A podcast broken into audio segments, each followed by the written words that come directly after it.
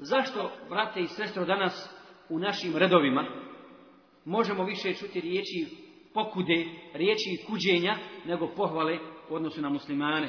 I kako postupamo sa ovim komadićem, komadićem u našem tijelu koji se zove srce, za koje kaže Resul sallallahu alaihi ve sellem i da salahat salahal jasadu kullu wa i da fesadat al jasadu kullu ako je zdravo, ako je ispravno zdravo je čitavo tijelo a ako je pokvareno i ako je bolesno, bolesno je čitavo tijelo. Zato želim da upozorim da mi želimo da slušamo govor o spajanju i udruživanju muslimana, o učvršćivanju našeg safa, o okupljanju oko jedne riječi, o okupljanju muslimana oko Kur'ana i sunneta. I želim da kažem da je naša nada u ovim mladim generacijama u onima koji promiču svjetlo istini, u našim intelektualcima, u našim profesorima, u našim inženjerima, u našim zanatlijama, u našim vojnicima i oficirima koji su shvatili Allahovu istinu i koji žele da žive u okviru Kur'ana i sunneta i da uspostavi svoj porodični život, svoj individualni život, dakle, na Kur'anu i na sunnetu. Zbog toga moramo skrenuti pažnju svima nama da o ovome, o našem jedinstvu, o Kur'anu i sunnetu, o okupljanju oko te zajedničke riječi moramo govoriti na svakom mjestu. U ne samo u džamijama, nego u školama, u džematima, na našim sjelima, na našim sastancima, u našim kućama i tako dalje. Moramo govoriti o tome jer je to zahtjev, zahtjev vremena ili bolje reći zahtjev imana. I prvo što želim spomenuti jeste, prvo nakon slušanja ovog dersa, trebamo se vratiti svojoj duši. I znati da se ovaj govor odnosi prije svega na mene. Kao da se govori samo meni. Nije upućen nikom drugom nego meni.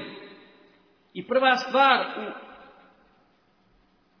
čišćenju duše i srca i postizanju ovog stepena kojeg je spomenuo poslanik sa u hadisu, braćo i sestre, jeste da čovjek ne gleda sebe s visoka, da nema visoko mišljenje o sebi, a da drugi gleda, kako kažu, iz ptičije perspektive. Svi su manji od mene. Ja sam bolji, ja sam učeniji, ja sam pametniji i tako, ja sam pobožniji i tako dalje. Možda je, kako kaže poslanica sa selem, onaj raščupane i prašnjave kose i brade bolji od tebe hiljadu puta. Hiljadu puta i možda će njegovu dovu Allah prije primiti, a nepoznat je. Nepoznat je u društvu. Niko za njega ne zna.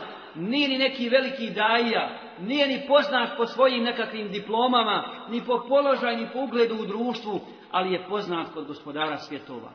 I mi znamo za dosta takvih primjera iz sire ashaba, iz sire ashaba i oni tabiina, istinski pobožnih ljudi čiji je dovu Allah Želešanohu primao, čija se dova primala, a znamo i da su od njih halife, kao što je Omer, tražili da upućuju dovu, dovu za njih.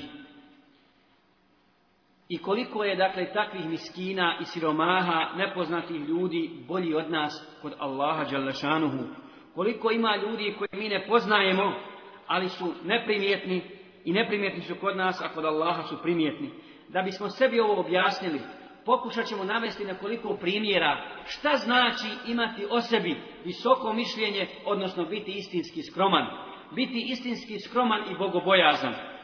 Navešemo primjer Ahmeda ibn Hanbala, poznatog imama i čuvara sunneta, imama ahli sunneta vel koji je stao na stranu istine, braćo i sestre, onda kad su se svi drugi bili udaljili sa staze sunneta, Kur'ana i sunneta u pogledu jedne opasne mesele, a to je mesela oko halkul Kur'ana, je li Kur'an stvoren ili nije, kada se pojavila ta fitna, čak su učenjaci i alimi zbog straha, da li zbog straha za svoj život ili nečeg drugog, pristali uz, uz to, privolio i natjerao je halifa Memun da to posvjedoče, osim jednog čovjeka, Ahmeda ibn Hanbala, preko kojeg je Allah Đelešanohu sačuvao, sačuvao sunnet, poslanika sallallahu alaihi ve sellem i ispravno mišljenje o Kur'anu i sunnetu kad je u pitanju gajb, kad je u pitanju gajbi, kad su u pitanju neke stvari, ne, odnosno nejasni ajeti iz Kur'ana.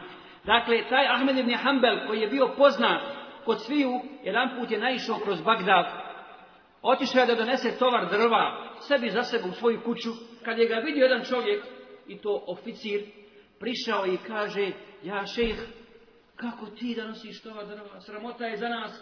Daj meni to. Pa mu kaže, skloni se od mene. Skloni se od mene i pusti me da nosim ovo. E, tako mi Allah da nas Allah Đelešanuhu ne sačuva. Bili bismo sramoćeni stotinu puta u jednom danu. Dakle, nije mu teško to što nosi i nije ga stid zbog toga nimalo. Jer zna da je Allahov rob zna da je potreban gospodara svjetova u svakom trenutku, bez obzira koliko bio cijenjen i poštovan u društvu.